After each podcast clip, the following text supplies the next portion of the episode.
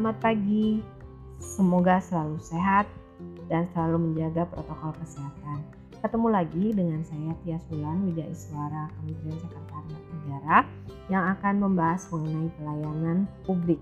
Pelayanan publik ini didasarkan pada Undang-Undang Nomor 25 Tahun 2009 sebagai salah satu bentuk kewajiban negara dalam melayani setiap warga negara dan penduduk untuk memenuhi hak dan kebutuhan dasarnya dalam kerangka pelayanan publik sebagai amanah Undang-Undang Dasar 1945. Undang-Undang 25 tahun 2009 ini memberikan definisi pelayanan publik adalah sebagai kegiatan atau rangkaian kegiatan dalam rangka pemenuhan kebutuhan pelayanan sesuai dengan peraturan perundang-undangan bagi setiap warga negara dan penduduk atas barang, jasa, dan atau pelayanan administratif yang diselenggarakan oleh penyelenggara pelayanan publik. Dalam kerangka ini kalau kita lihat adanya suatu rangkaian kegiatan, kemudian adanya jasa, barang atau pelayanan administrasi yang diselenggarakan untuk memenuhi kebutuhan masyarakat yang dapat kita kelompokkan dalam jenis pelayanan. Yang ketiga adalah penyelenggara pelayanan publik. Mari kita bedah satu persatu. Sebenarnya yang dimaksud penyelenggara pelayanan publik itu siapa sih? Penyelenggara pelayanan publik selanjutnya disebut penyelenggara adalah setiap institusi penyelenggara negara, korporasi, lembaga independen yang dibentuk berdasarkan undang-undang untuk kegiatan pelayanan publik dan badan hukum lain yang dibentuk semata-mata untuk kegiatan pelayanan publik. Teman-teman, kita tadi juga membahas mengenai penerima layanan. Salah satunya adalah masyarakat. Siapa sih sebenarnya yang dimaksud masyarakat di sini? Masyarakat adalah seluruh pihak, baik warga negara maupun penduduk sebagai orang perorangan kelompok maupun badan hukum yang berkedudukan sebagai penerima manfaat pelayanan publik baik secara langsung maupun tidak langsung. Kemudian yang ketiga adalah adanya kepuasan yang diberikan atau diterima oleh penerima pelayanan.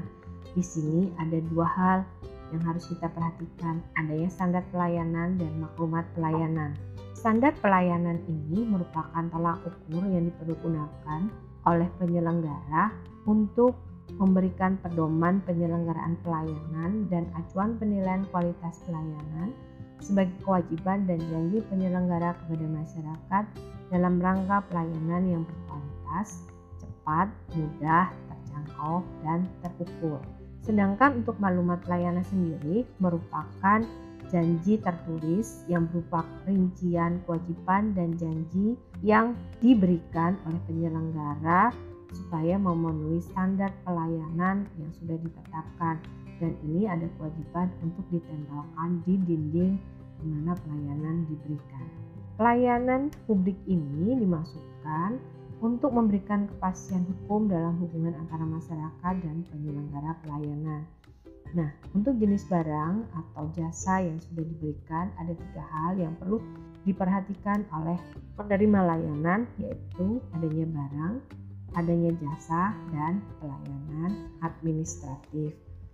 Teman-teman yang berbahagia, dalam penyelenggaraan pelayanan administrasi ini boleh saya simpulkan bahwa pelayanan administrasi itu merupakan pelayanan yang menghasilkan berbagai bentuk dokumen resmi yang dibutuhkan oleh publik. Sedangkan pelayanan barang yaitu pelayanan yang menghasilkan berbagai bentuk atau jenis barang yang digunakan oleh publik.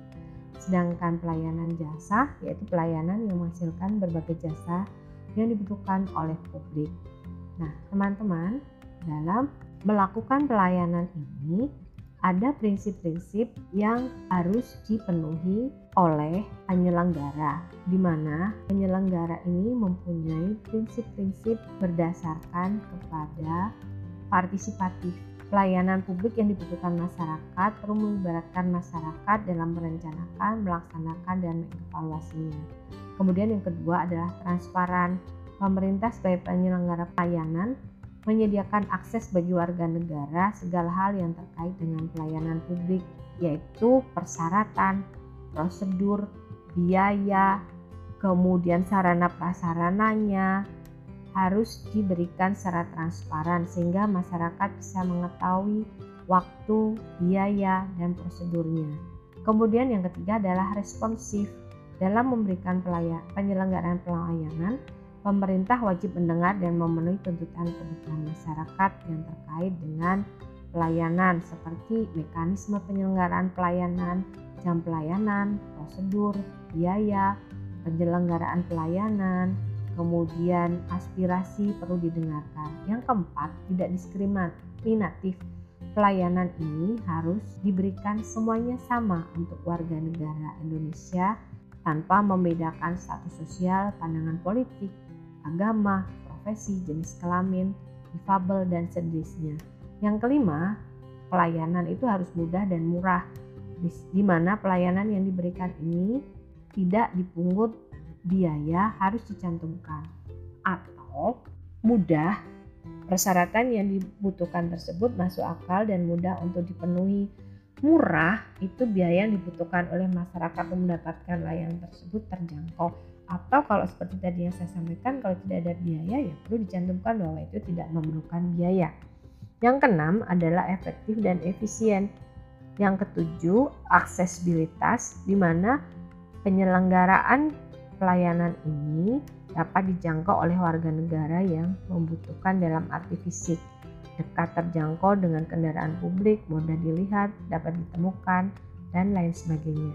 Yang kedelapan adalah akuntabel.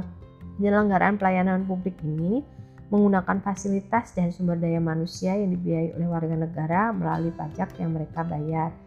Sehingga semua yang dilakukan itu dapat dipertanggungjawabkan secara terbuka kepada masyarakat. Yang kesembilan adalah berkeadilan. Penyelenggaraan pelayanan publik yang dilakukan oleh pemerintah memiliki berbagai tujuan. Salah taju, tujuan yang penting adalah melindungi warga negara dari praktek buruk yang dilakukan oleh warga negara lain. Nah, itu ada sembilan ya teman-teman untuk prinsip pelayanan publik.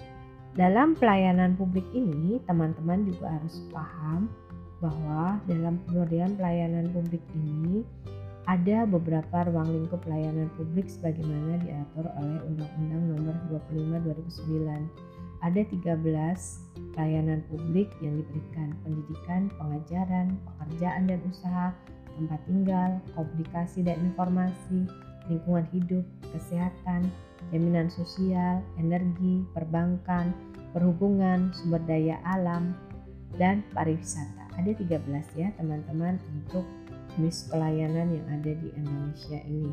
Keterkaitan dengan pelayanan publik ini tentu saja akan memberikan efek kepada ASN sebagai fungsi pelayan publik di mana ASN diharapkan mempunyai nilai dasar yaitu jujur, tanggap, cepat, tepat, akurat, berdaya guna, berhasil guna, dan sopan santun dalam memberikan pelayanan. Selain itu, ASN juga diharapkan mempunyai kode etik, hormat, santun, senyum, sapa, dan melayani tanpa tekanan. Nah, teman-teman, dalam meningkatkan pelayanan publik ini, tentu saja diharapkan adanya peran dan partisipasi aktif dalam pemberian pelayanan ini Prinsip-prinsip pelayanan prima kiranya juga perlu diterapkan oleh para ASN seperti prinsip responsif terhadap pelanggan, memahami pelanggan dengan baik, membangun visi dan misi pelayanan dalam bekerja, menetapkan standar pelayanan dan ukuran kinerja pelayanan, pemberian pelatihan dan pengembangan pegawai terkait pelayanan yang baik, memberikan apresiasi kepada pegawai yang mengelola pelayanan. Nah, yang tak kalah pentingnya lagi adalah sikap ASN dalam memberikan pelayanan, terutama pelayanan prima. Satu, menyapa dan memberi salam. 3S atau 5S itu wajib diberikan pada saat memberikan pelayanan. Ramah, cepat dan tepat waktu, mendengar dengan sabar dan efektif, penampilan yang rapi. Jangan lupa mengucapkan terima kasih Jangan lupa mengucapkan maaf apabila salah, mengingat nama pelanggan, dan memperlakukan pelanggan dengan baik. Nah, teman-teman, kiranya juga ASN menerapkan dasar etiket dalam pelayanan. Apa saja kiranya? Politeness yaitu sikap sopan yang harus diperhatikan sehingga dapat melayani pihak dengan baik terutama dalam komunikasi. Respectful yaitu sikap menghormati dan menghargai pihak lain, pengguna jasa secara baik dan wajar atentif yaitu sikap penuh perhatian dan memperhatikan kepada pihak lain. Kooperatif, sikap menolong, tolerans yaitu tenggang rasa, informality, sikap ramah yang diperlihatkan kepada pihak lain, dan self control yaitu sikap menguasai diri dan memberikan emosi. Nah, teman-teman, kiranya semua etika dan etiket itu tidaklah lengkap apabila teman-teman tidak memperlihatkan beberapa hal etiket pelayanan yang mendukung penampilan teman-teman, yaitu satu sikap atau perilaku, ekspresi wajah, penampilan dalam berbusana, rapi, bersih, cara berpakaian, cara berbicara, cara mendengarkan, cara bertanya. Ini semua akan bisa dilakukan dengan baik apabila kita praktekkan dalam kehidupan sehari-hari sebagai ASN yang baik yang memberikan pelayanan kepada masyarakat, kiranya etika, etiket dalam pelayanan perlu diterapkan. Sampai jumpa teman-teman, selamat belajar dan kita akan ketemu dalam episode-episode berikutnya mengenai pelayanan. Sukses selalu untuk teman-teman, sampai jumpa pada materi berikutnya.